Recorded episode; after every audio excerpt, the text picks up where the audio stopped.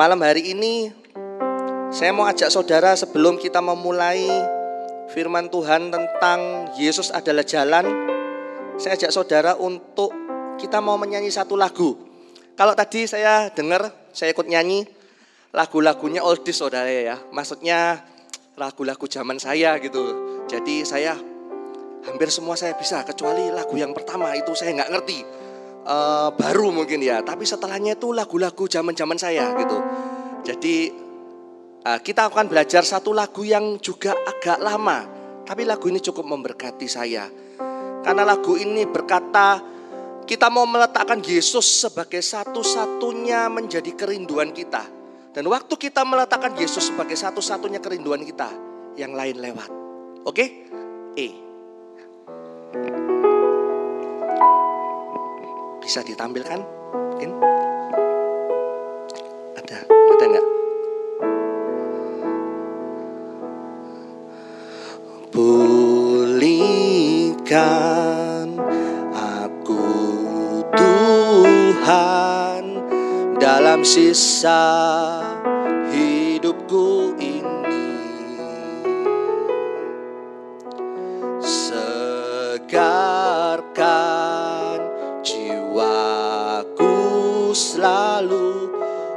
kuasa firman dan rohmu. Ubah hatiku Tuhan untuk lebih mengasihimu. Mengutamakan Yesus lebih dari dunia ini. Yang ku ingini engkau saja. Diam dalam kehendak rencanamu. Pisahkan diriku dari dunia ini semakin ku damba kerajaanmu. Yang bisa bisa nyanyi. Oh Tuhan Yesus kerinduan hatiku. Mutiara tak ternilai harta milikku. Keindahanmu memudarkan dunia di mataku. Engkau termulia sekali lagi katakan oh Tuhan Yesus kerinduan hatiku. Mutiara tak ternilai harta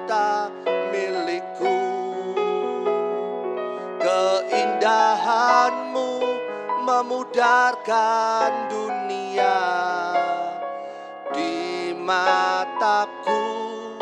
Engkau termulia di mataku di mataku. Engkau termulia di mataku. Engkau termulia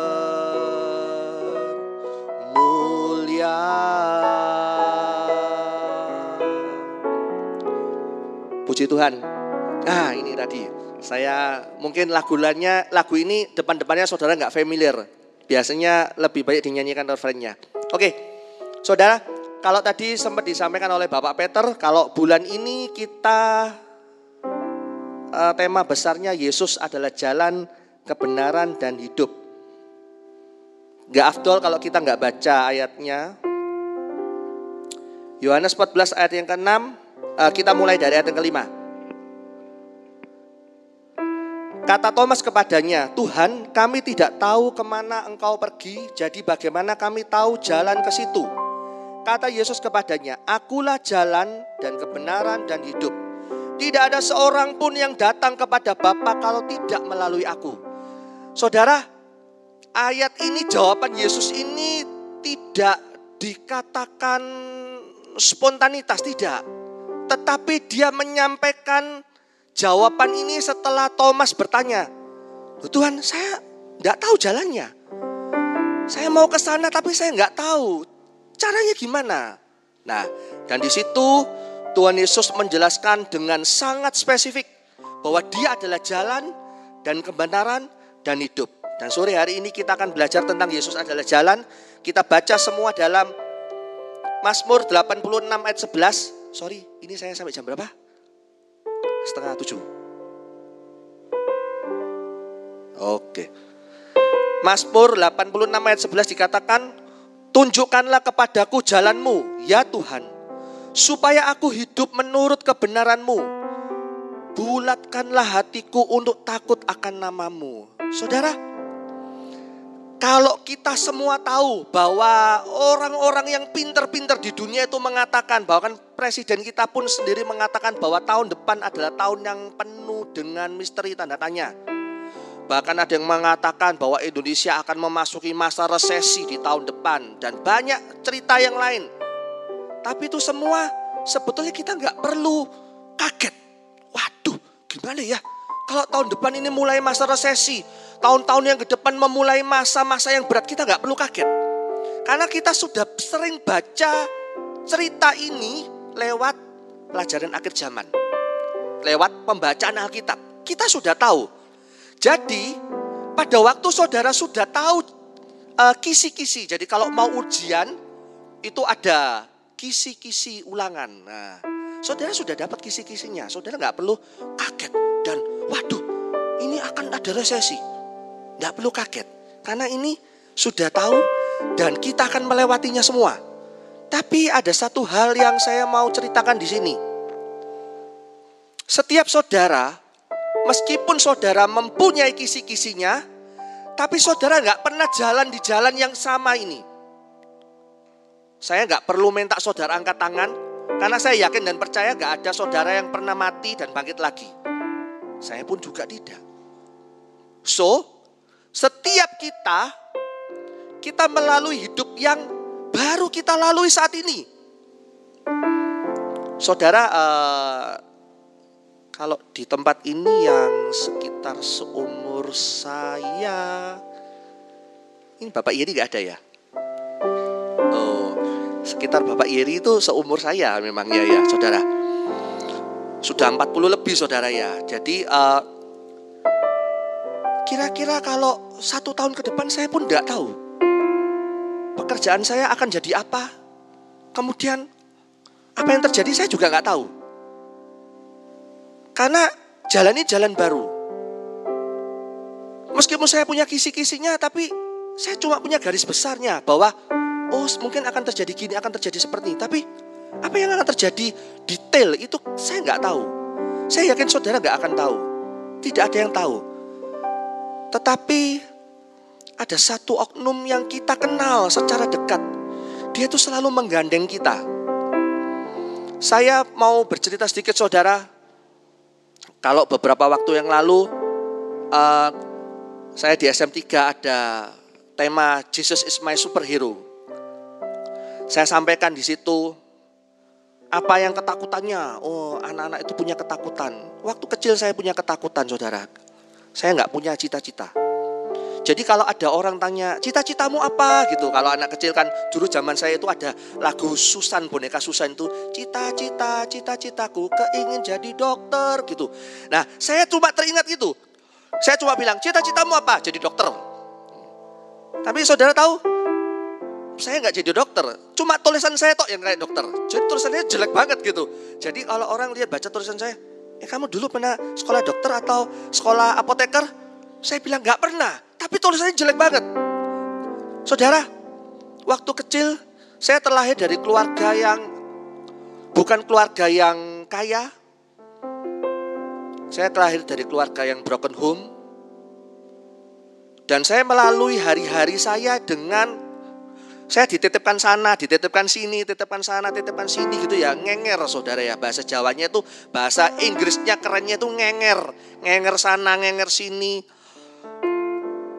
Syukur-syukur ada yang mau uh, masuk kasih makan yang cukup layak gitu ya saudara.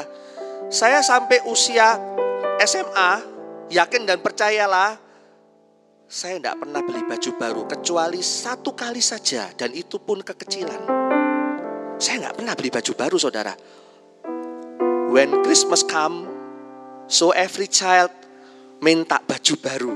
Sama anak saya pun juga yang paling kecil sudah ngomong gini, kok Jocelyn nggak punya baju baru?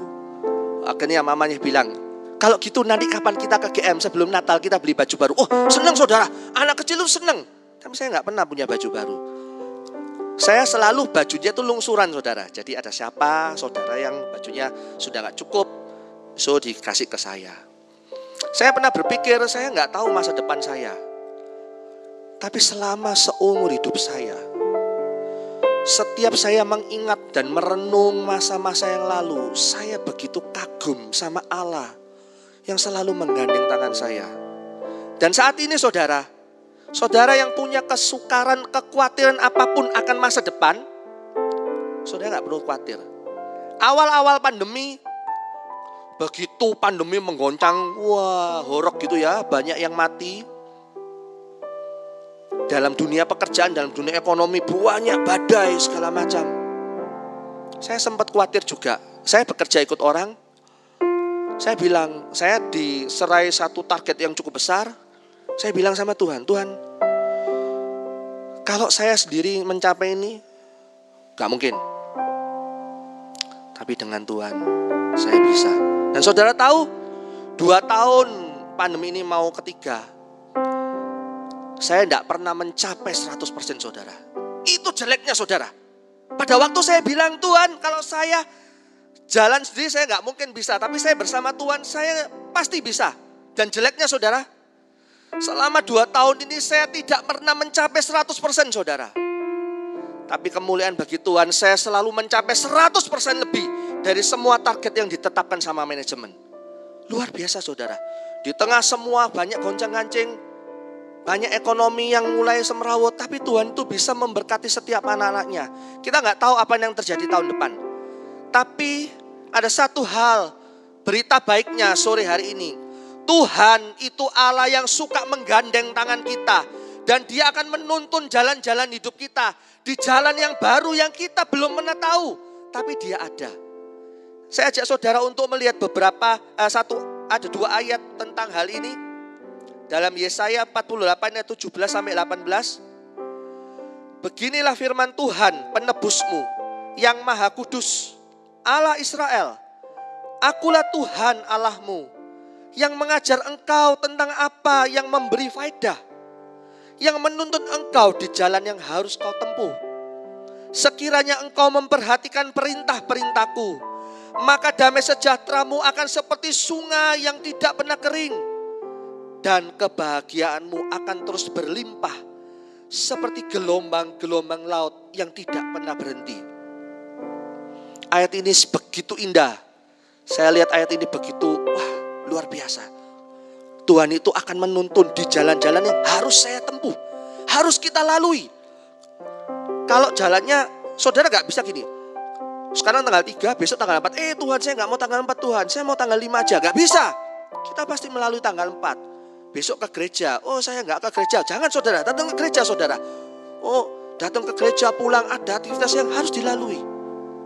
Tapi yakin dan percayalah, dia menuntun saudara dan waktu saudara memegang perintah-perintahnya, maka di tengah zaman yang berat, saudara punya kesukaran apa pun. Damai sejahtera Allah itu terus mengisi kita. Dia tidak berhenti mengisi setiap hati kita. Saya yakin saudara pasti pernah sedih. Tapi waktu kita mengikut sertakan Tuhan, maka damainya itu akan masuk. Saya ajak saudara untuk melihat dua cerita di dalam Alkitab tentang jalan. Yang pertama, dalam keluaran 13 ayat 21 saya bacakan. Keluaran 13 ayat 21. Tuhan berjalan di depan mereka pada siang hari dalam tiang awan untuk menuntun mereka di jalan dan pada waktu malam dalam tiang api untuk menerangi mereka sehingga mereka dapat berjalan siang dan malam. Saudara di situ jelas dikatakan sehingga mereka dapat berjalan siang dan malam tiang awan, tiang api ini cerita tentang kesetiaan Tuhan. Kalau saudara tahu ada lagunya, Tuhan ada di setiap musim hidup kita. Saya yakin pengarangnya itu benar-benar yakin. Dia merasakan Tuhan itu ada dalam setiap langkah hidupnya. Waktu dia sedih, waktu dia suka cita, waktu dia butuh sesuatu. Allah yang Maha Kuasa itu selalu ada bersama dengan dia. Seperti tiang awan, tiang awan itu menerangi waktu siang. Tiang api itu menerangi waktu malam. Pernahkah saudara berpikir, Tuhan dengan segala kemahakuasaannya, kenapa dia nggak nitip ke Musa aja? Dia bilang sama Musa, eh Musa, kamu nanti lewat ke arah timur ya, atau ke arah barat ya, lurus aja. Setelah berapa kilometer belok kiri, setelah berapa kilometer belok kanan kayak GPS. Tuhan nggak gitu saudara. Di Alkitab tidak dicatat dia pernah pesen sama Musa. Langkah jalannya begini ya. Enggak, enggak pernah. Meskipun Tuhan memakai Musa untuk keluar dari Mesir, tapi Tuhanlah yang menggandeng Musa dan orang Israel itu sendiri keluar dari Mesir. Dia tidak memakai tangan Musa untuk menggandeng orang Israel karena nggak cukup tangannya. Tapi tangannya yang besar itu cukup untuk menggandeng seluruh orang yang ada di Israel. Termasuk saat ini. Setiap saudara yang masih punya tangan ataupun tidak punya tangan. Saya lihat di sini semua pasti punya tangan. Tuhan itu punya tangan yang berkuasa. Yang sanggup untuk menggandeng setiap saudara. Tidak ada anak emas, tidak ada anak perak, anak tembaga, atau anak buangan. Tidak ada. Semua sama-sama anak Allah. Dan akan digandeng. Cerita tentang tiang awan, tiang api ini begitu berkesan bagi saya. Karena saya melihat dalam setiap waktu dalam hidup saya, kalau saya mulai merenung seperti apa saya dulu, kemudian saya mulai sekolah dalam masa-masa sekolah saya, dalam masa berpacaran, bertunangan, menikah, punya anak satu. Saudara, pada waktu saya punya anak satu, saya diizinkan Tuhan menerima badai yang begitu besar. Saya bangkrut saudara. Habis semuanya. Saya melahirkan anak pertama saya itu dengan utang. Gredek kartu kredit. Pinjaman pula. Kartu kredit istri saya. Bukan kartu kredit saya. Utang saudara. Saya nggak punya duit. Saya cukup bangga pada waktu itu karena saya nggak punya uang. Saya punyanya utang, saudara. Bangga saya. Wah utangku banyak. Banyak saudara. Saya bangkrut utangnya banyak. Gak ada orang bangkrut uangnya banyak itu gak ada saudara. Bangkrut utangnya banyak. Pada waktu itu saya mulai melamar pekerjaan. Saudara tahu ijazah saya itu tidak berlaku saudara. Saya alumni salah satu universitas yang cukup terkenal di Surabaya. IP saya tidak jelek-jelek amat. Jadi Bukan jelek saudara, cukup bagus. Itu gak berlaku saudara. Gak berlaku. Saudara di sini yang yang kuliah, yang menjelang lulus, ijazah saudara itu tidak berlaku jika tanpa Tuhan. Saya garis bawahi jika tanpa Tuhan. Saudara tahu, Tuhan izinkan Tuhan itu meremukkan saya, menghancurkan saya. Sampai saya melihat satu pekerjaan yang dulu saya anggap remeh pekerjaan itu. Karena saya jobless saudara. Saya nggak punya pekerjaan, yang kerja istri saya. Waktu itu istri saya masih jadi guru. Saya jobless. Dulu saya melihat satu pekerjaan itu remeh saudara. Waktu itu saya bilang, kalaupun saya mengerjakan itu, saya bersyukur Tuhan. Karena saya nggak punya pekerjaan. Saya lihat itu sesuatu hal yang sangat berharga bagi saya. Dan saudara tahu kadang Tuhan itu mengizinkan kita dihancurkan. Sampai tidak bisa bangkit sepertinya. Remuk. Jadi bahasa Jawanya itu ngomong remuk. Sudah remuk saya. Saya turun 9 kilo hanya dalam waktu sekitar 6 bulan. Saya nggak perlu diet saudara. Saudara yang mau kepengen diet, ah, jangan ditiru saudara. Makan saya banyak, berat badan saya turun 9 kilo dalam jangka waktu enam bulan. Setiap malam saya bergumul.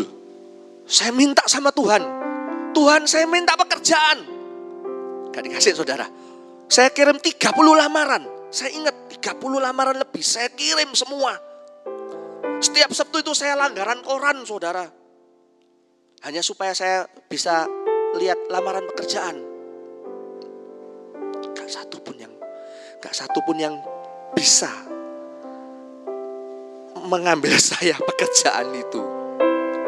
Kecuali ada beberapa yang seperti ya pekerjaan yang falas dan yang lain-lain dan saya tidak mengerjakan itu. Tapi waktu saya bilang Tuhan, saya benar-benar butuh Tuhan.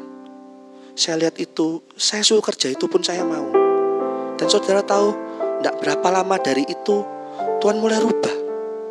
Tuhan mulai kasih saya pekerjaan yang sampai saat ini setelah 15 tahun saya tetap kerjakan itu. Dan Tuhan mulai rubah satu persatu. Di tahun pertama saya mengerjakan pekerjaan ini, saya mengalami badai juga saudara.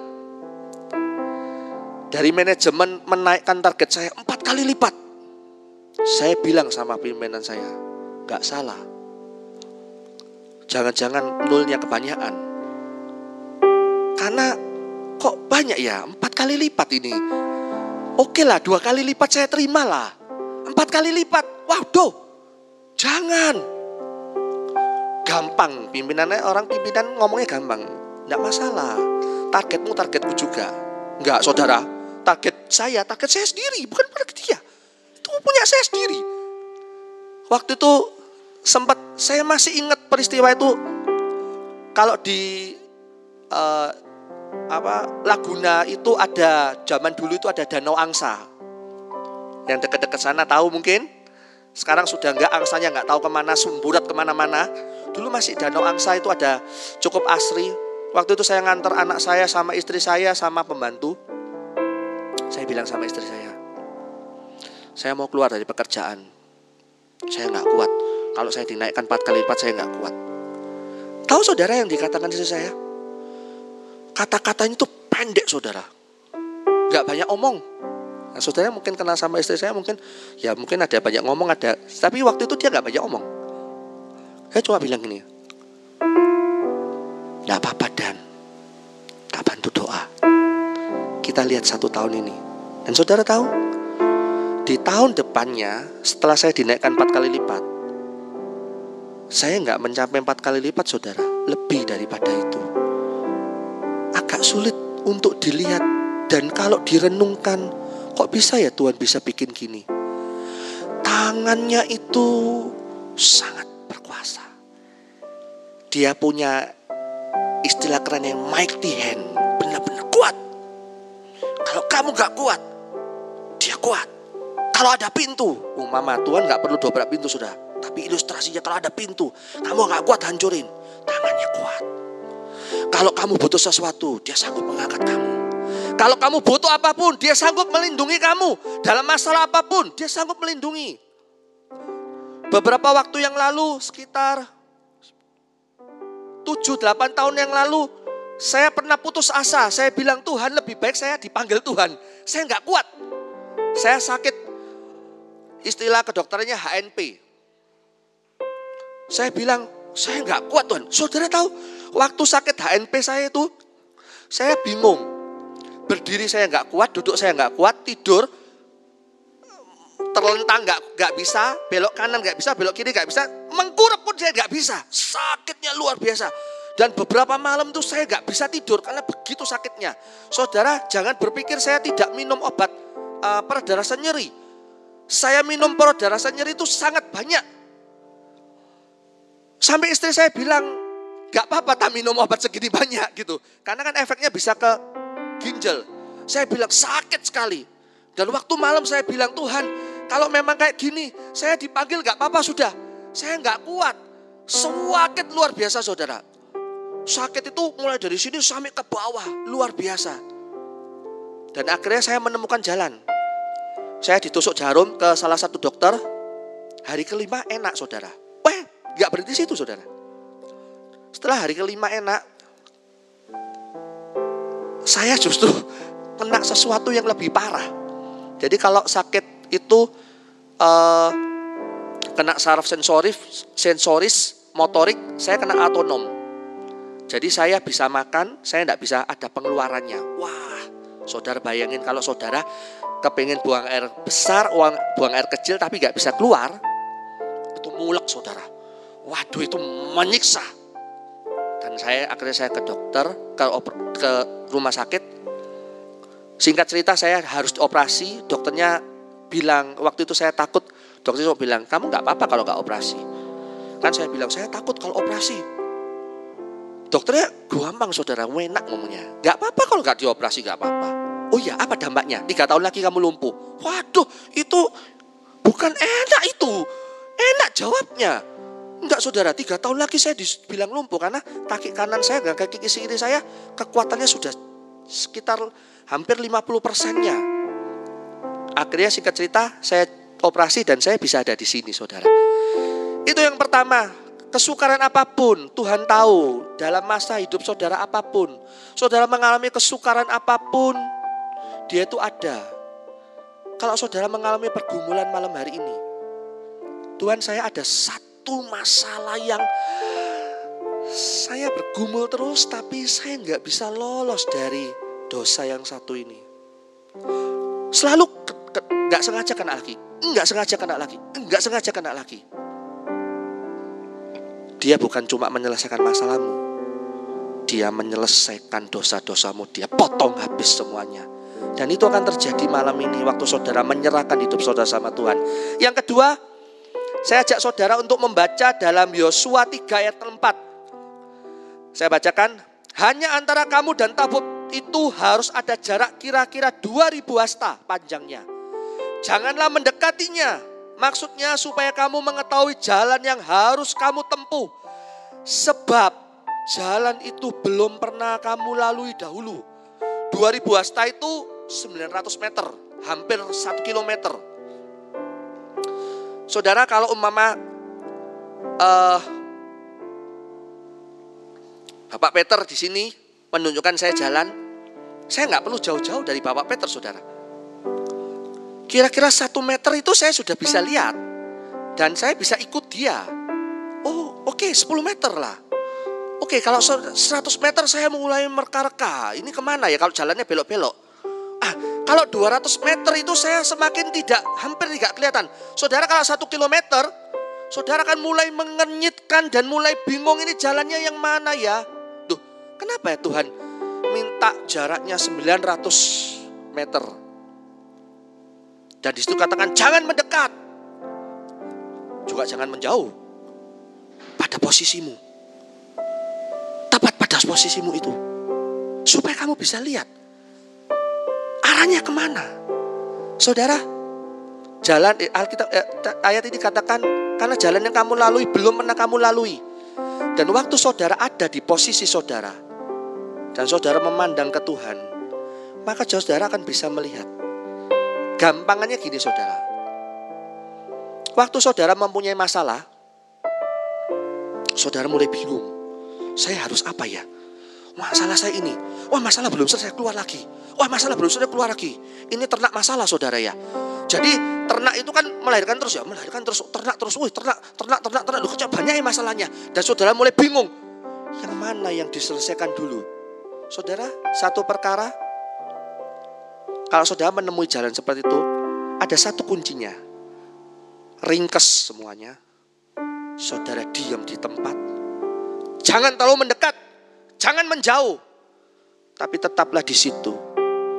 Dan rubah sudut pandangmu. Melihat ke atas. Melihat ke Yesus. Maka saudara akan menemukan jalannya. Karena waktu orang Israel itu melihat ke tabut, dia menemukan jalannya. Tapi waktu orang Israel itu melenceng ke kanan atau ke kiri atau melenceng ke sebelah mana, dia tidak tahu jalannya. Dia mulai bingung. Jalannya ke mana ini? Tapi berdiri di tempatmu. Jangan mendekat, jangan menjauh. Tetap ada, masalahmu tetap ada. Tetapi waktu kamu melihat ke sana, di situlah kamu akan menemukan jalan keluar di situlah semua masalahmu akan diselesaikan satu persatu. satu persatu. Dalam pekerjaan saya, saya kadang mengalami masalah yang datang satu, belum selesai lagi, belum selesai lagi. Saya pikir masalah biasanya kebanyakan di masalah produksi. Saya pikir gini, orang produksi ini kok bodoh-bodoh. Oh masalah jadi satu eh, banyak ini gimana? Saudara tahu, kadang mulai, wah pakai cara ini, pakai cara ini, pakai cara ini. Akhirnya saya melakukan apa? Saya diam. Kalau orang katakan fast respon.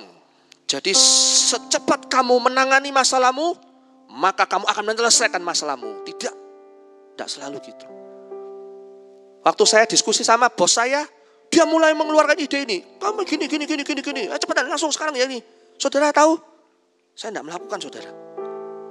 Saya taruh, saya mulai merenung, saya mulai doa, saya mulai pikir-pikir, gimana ya Tuhan. Sambil kayak ngobrol gitu, saya melakukan ini nanti gini. Saya melakukan ini nanti gini. Kira-kira apa yang harus saya lakukan Tuhan? Lek saya tidak ada jawabannya, tetap diam saudara. Saya tidak melakukan apa pun, tidak ada jawabannya, saya tetap diam. Kemudian tiba-tiba ada satu jalan. Oh coba pakai ini. Nah saya mulai selesai satu. Coba pakai ini, selesai satu. Dan lagi selesai, selesai, selesai, selesai. Saudara, di perikop yang kedua ini saya mau mengajak saudara untuk tetap ada di tempat saudara.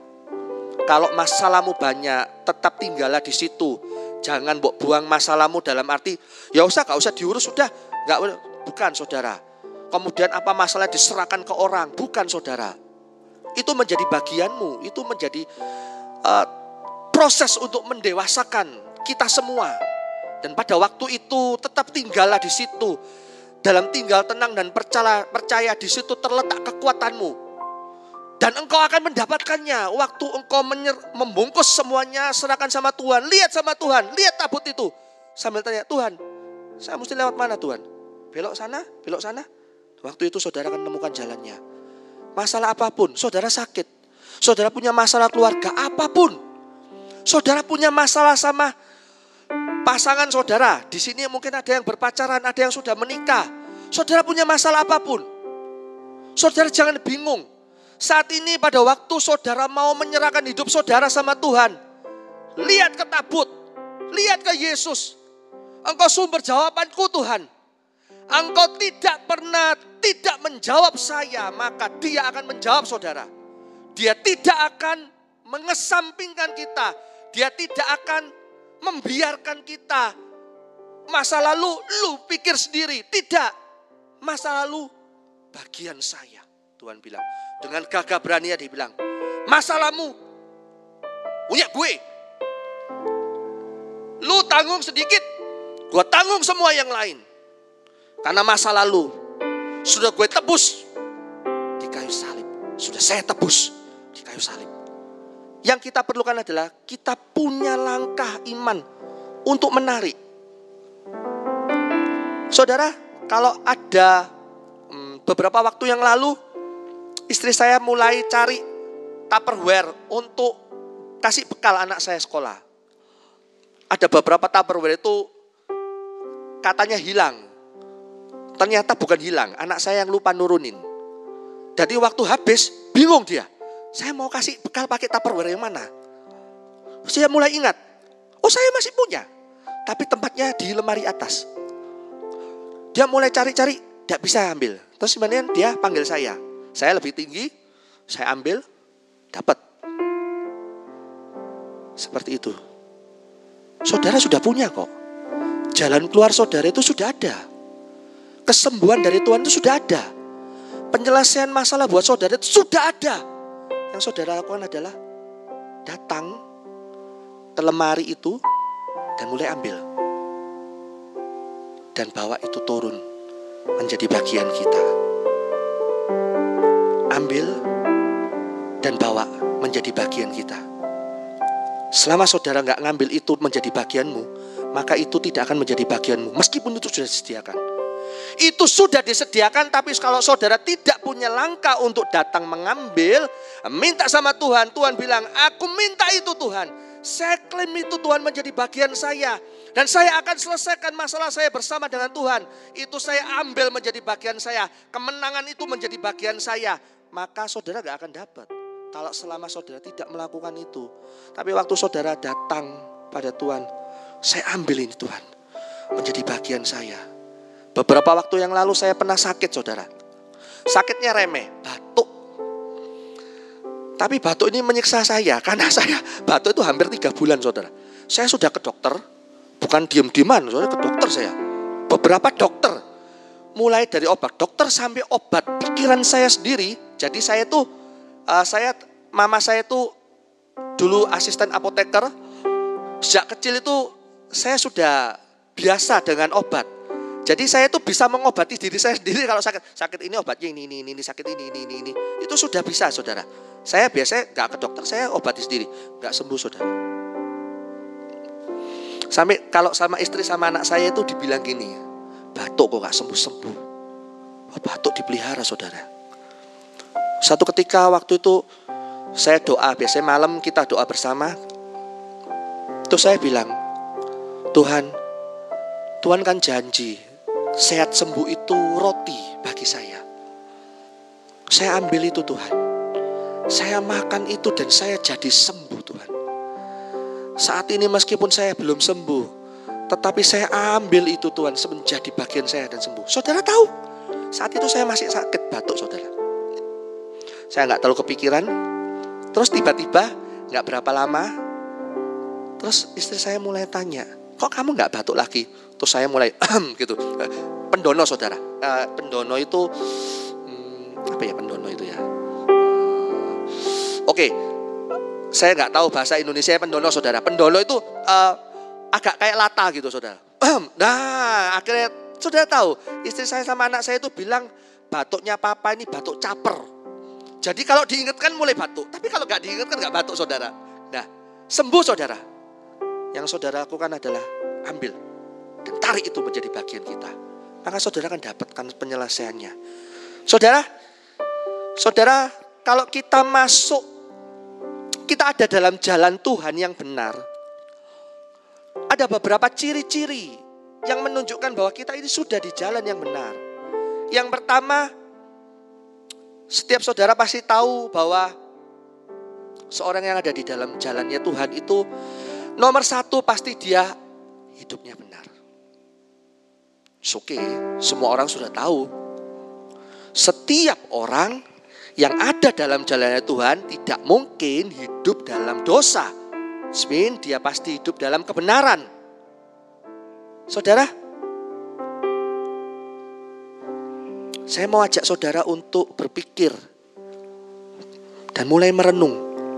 Kalau tadi pimpinan pujiannya mengatakan kita ada di penghujung 2022. Ini bulan terakhir. Saudara pasti masih ingat apa yang kamu lakukan di hari-hari? Mungkin yang baru tadi kamu lakukan. Mungkin yang satu minggu yang lalu. Atau mungkin sudah tiga bulan yang lalu kamu lakukan. Dan itu tidak berkenan di hadapan Tuhan. Dan itu salah. Saudara tidak akan ada di jalannya Tuhan. Selama saudara tetap tinggal di dalam dosa saya tidak akan mengadakan artakol hari ini karena bukan bagian saya mengadakan artakol. Tapi saya mau ajak saudara mulai merenung. Mulai merefleksikan yang lalu-lalu di hari-hari kemarin. Kalau satu tahun, saudara pasti, saya yakin saudara pasti masih ingat. Apa yang terjadi di Januari sampai November. November, oke, okay. Desember tanggal 2. 1 Januari 2022 sampai Desember 2 Desember 22. Saudara pasti masih ingat apa yang sudah saudara lakukan. Satu persatu detail yang saudara kerjakan dalam setiap hari dalam pekerjaan saudara. Apa yang saudara kerjakan. Saudara pasti ingat. Saudara pasti tahu. Apa kesalahan yang terus saudara lakukan berulang-ulang, berulang-ulang, berulang-ulang dan tidak bisa lepas. Saudara pasti ingat. Ayo saya ajak saudara untuk mulai berpikir. Mulai merenung apa yang saudara kerjakan di tempat-tempat tersembunyi yang orang tuamu nggak tahu, istrimu nggak tahu, suamimu nggak tahu. Pemimpin rohanimu nggak tahu. Apa yang kau lakukan? Benar atau salah? Saudara mulai berpikir. Saya ajak saudara untuk mulai mer merenung. Sambil firman Tuhan ini disampaikan, saudara mulai ingat. Apa yang saya lakukan? Selama 2022 atau yang sudah lalu. Saya yakin kalau tahun ini saudara melakukan hal yang salah itu, bisa jadi tahun-tahun sebelumnya saudara juga melakukannya. Ayo kita mulai berpikir. Dan kalau saudara sudah ingat, oh, saya melakukan ini ya. Ini salah ya. Satu-satunya cara adalah putar balik. Turning back. Putar balik. Jangan diteruskan. Pakai jalanmu salah. Jalanmu salah. Selama ini kamu pakai jalan yang salah. Meskipun kamu ke gereja, kamu pelayanan. Tapi kamu ada di jalan yang salah. Putar balik. Jangan diteruskan, itu jalannya keliru, putar balik dan cari jalan yang betul. Saudara, saudara pasti tahu semua cerita anak terhilang. Ini cerita yang keren banget. Dan wah sangat famous. Wah, cerita anak terhilang. Saudara tahu apa yang dilakukan oleh anak terhilang ini? Waktu dia sadar dan dia memutuskan untuk saya mau kembali kepada Bapak. Saudara apa yang tahu apa yang dilakukan? Dia mulai berjalan kembali di jalan yang menuju ke rumah Bapak.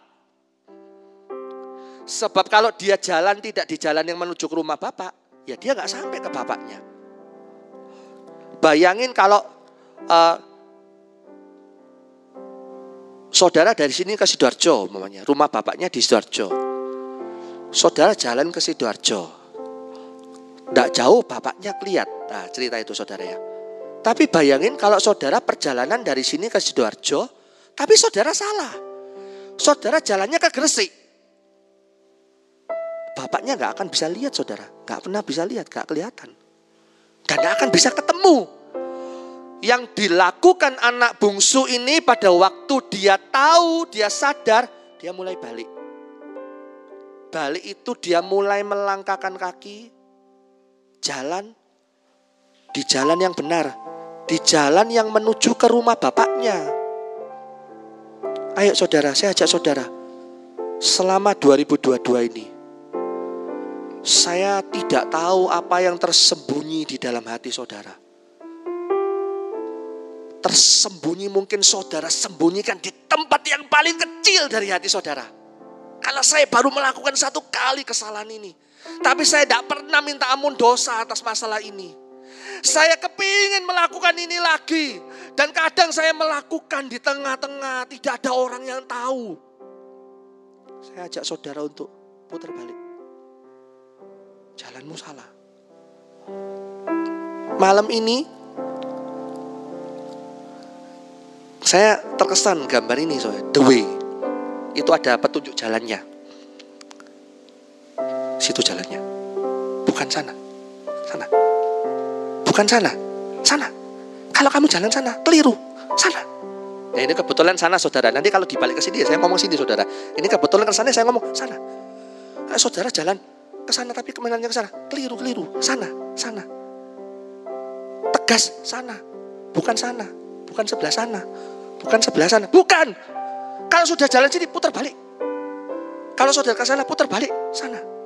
Ayo saudara, saya ajak saudara, setiap saudara yang di tempat ini Tuhan akan memberkati saudara.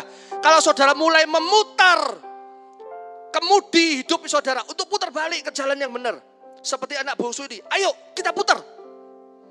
Saudara, ayo kita putar. Masalah kecil, masalah besar, dosa kecil, dosa besar. Tidak ada dosa yang dikatakan dosa kecil tidak masuk neraka. Tidak ada. Dosa kecil pun masuk neraka. Tidak ada dosa kecil besar besar masuk neraka. Dulu saya pernah ngomong-ngomong sama kalau saudara tahu Bapak Jimmy, kita sering berkelakar nanti kalau oh, ini dosanya kecil loh, oh, gini gini ngomongnya. Gak ada saudara dosa kecil pun masuk neraka. Putar balik.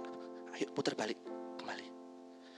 Yang kedua, pada waktu seseorang itu berjalan di jalan yang benar, yang kedua ciri-cirinya adalah Orang itu menjadi terang. Orang itu menjadi terang. Dia menjadi terang. Saudara, ayatnya saya bacakan Matius 5:14.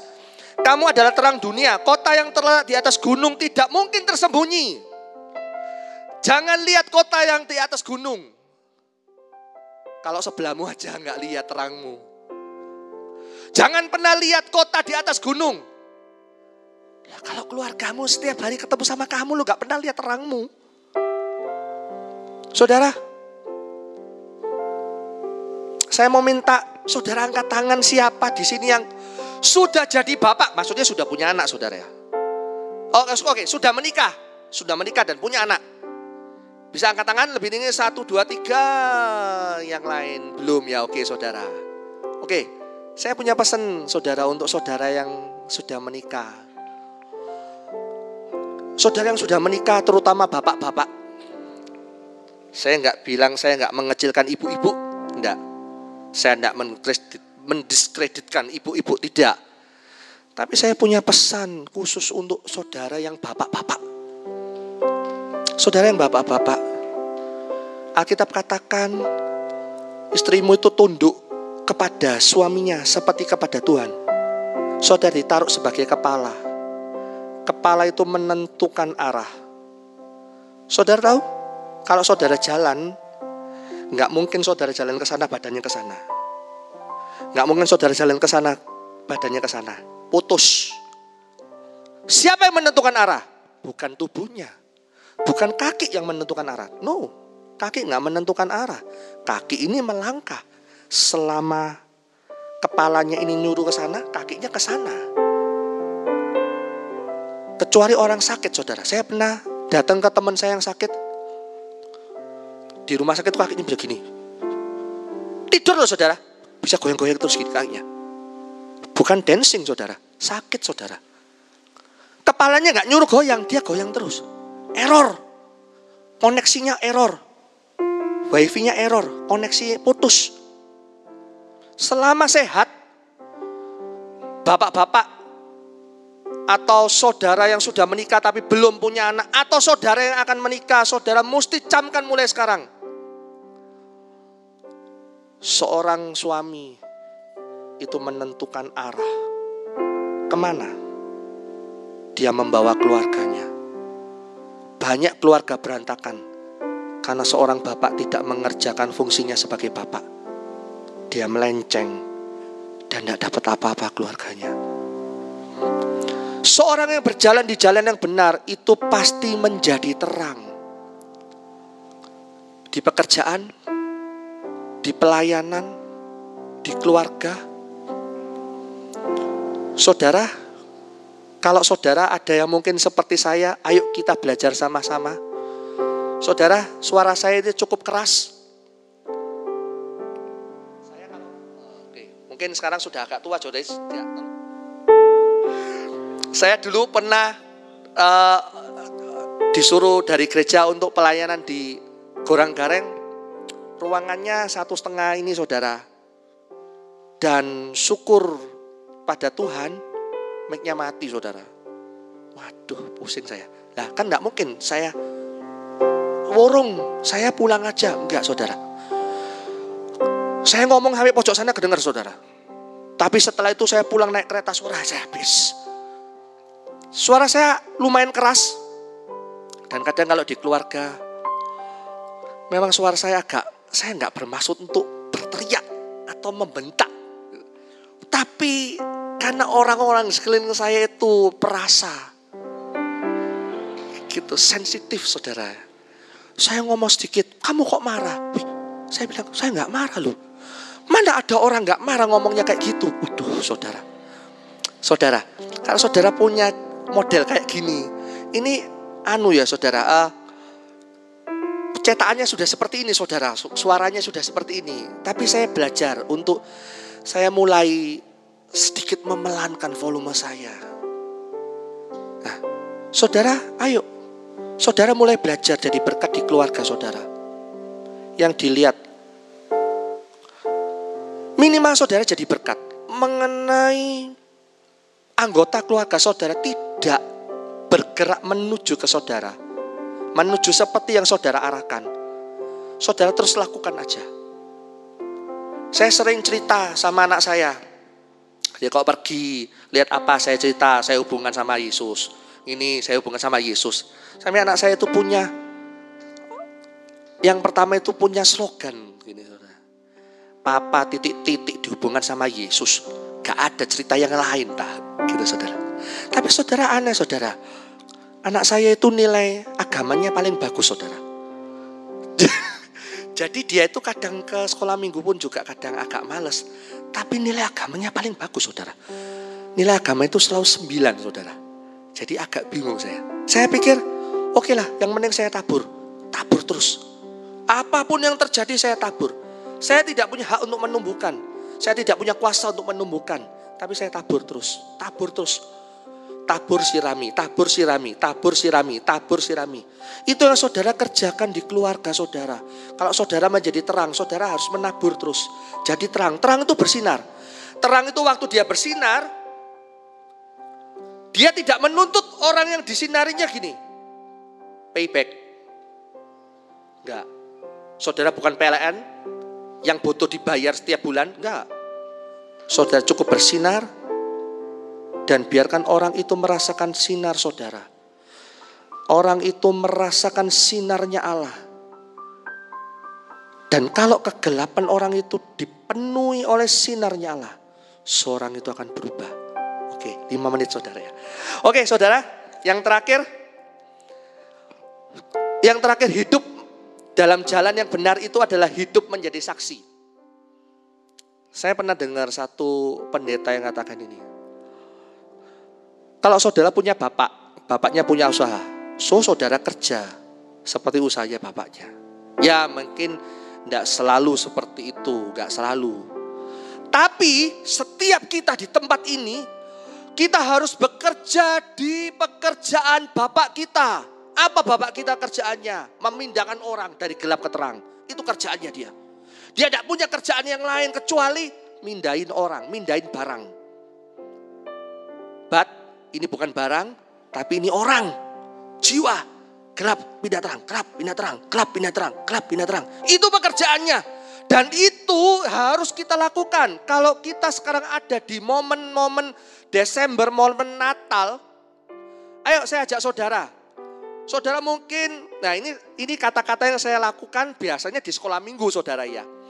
Adik-adik, kalau umpama adik-adik lihat ada temannya yang nggak datang dan tahu kok namanya, ayo kontak supaya datang. Kalau ada temannya di sekolah belum pergi gereja, ayo datang, ajak ke gereja. Kita mau ngadain Natal umum, wah gitu saudara. Saudara, saya nggak bilang seperti itu di sini, tapi ayo, saya ajak saudara untuk mulai lihat kanan kirinya ada rekan-rekan yang lama nggak datang. Saudara punya kontaknya. Ayo kita ikut dalam kerjaan bapak kita. Tarik dia lagi. Waktu saudara tarik lagi. Itu saudara ada di jalan yang benar. Tarik. Kalau saudara lihat temannya. Tarik lagi. Temannya yang salah, tarik lagi. Teman yang salah, tarik lagi. Saudara bekerja melakukan kehendak Tuhan. Mari kita bekerja, hidup benar, menjadi terang, dan melakukan pekerjaan Bapak kita. Saya undang saudara untuk bangkit berdiri, kita menyanyikan lagu ini lagi.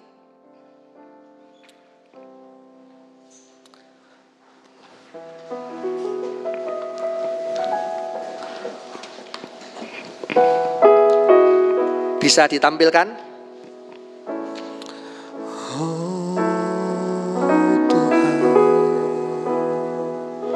Ini setiap kami Tuhan.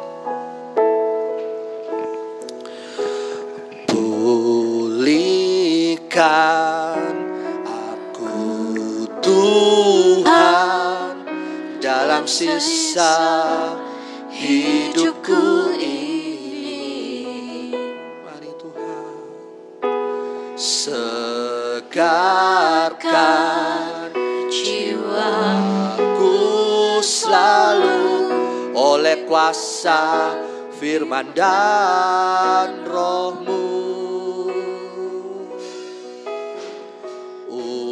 menambah hatiku Tuhan untuk lebih mengasihimu. Mengutamakan kau Yesus lebih dari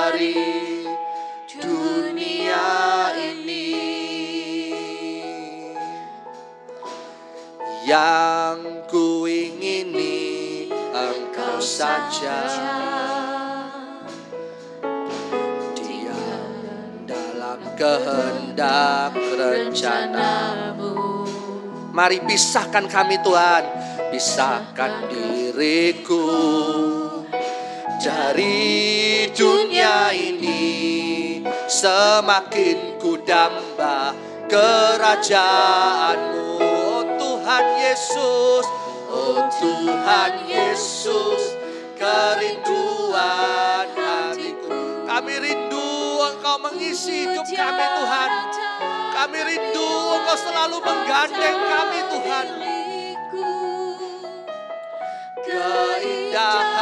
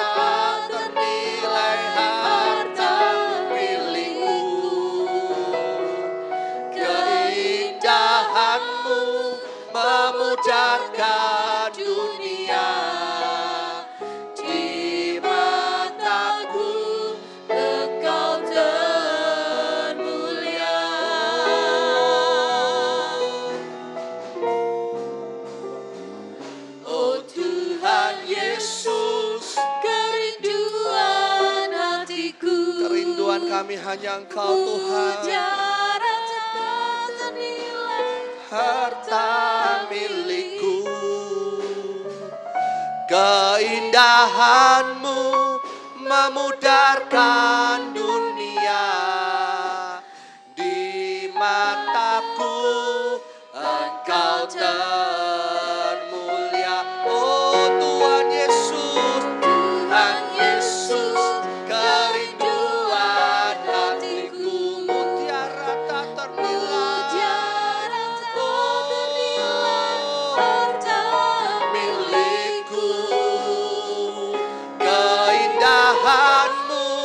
memudarkan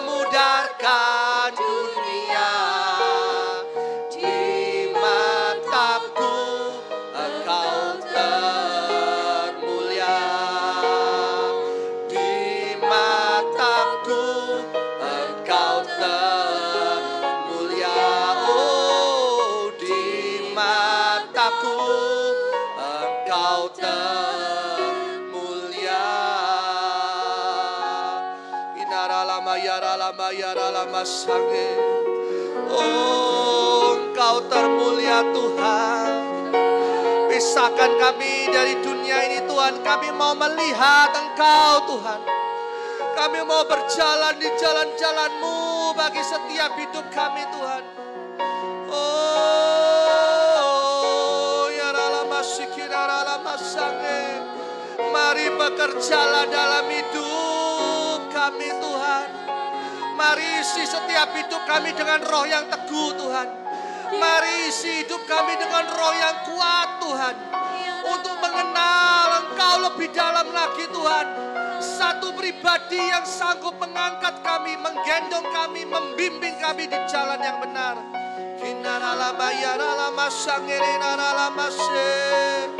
Haleluya Yesus. Haleluya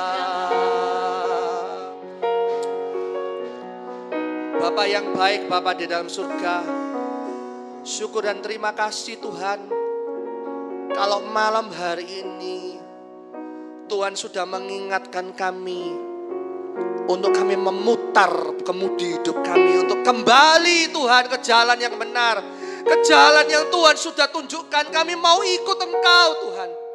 Kami mau ikut Engkau dalam sepanjang langkah hidup kami Tuhan. Karena kami tahu Tuhan, saat kami berjalan bersama dengan Engkau, maka Engkau akan memberkati setiap langkah-langkah kami dengan segala yang terbaik. Engkau tidak pernah membiarkan kami terlentang, Engkau tidak pernah membiarkan kami jatuh. Karena Engkau bersama dengan kami Tuhan. Setiap kami yang sudah pernah jatuh Tuhan, Mari ajar kami untuk bertobat malam hari ini Tuhan. Kami menari hidup kami Tuhan kembali Tuhan ke jalan yang benar. Dan satu ketika waktu Engkau mendapati kami, Engkau sanggup, Engkau mau memeluk kami dan mengatakan, berbahagialah hambaku yang baik. Kami boleh diangkat menjadi anak yang berkenan di hatimu Tuhan. Mari ajar kami Tuhan mengerti setiap rencanamu. Kami serahkan semua dalam tanganmu Tuhan. Kami percaya engkau sanggup memberkati kami setiap kami di tempat ini dengan sepenuh berkatmu Tuhan. Bukan hanya berkat jasmani tetapi berkat yang mengubahkan setiap roh-roh yang dingin di dalam hati kami. Untuk memanaskan dan membakarkan setiap hati kami untuk mempunyai arah yang benar pada Engkau. Terima kasih Tuhan, kami serahkan Tuhan setiap benih firman yang sudah ditaburkan hanya di dalam tanganmu. Kami bersyukur buat Engkau Allah yang baik. Di dalam nama Tuhan Yesus. Amin.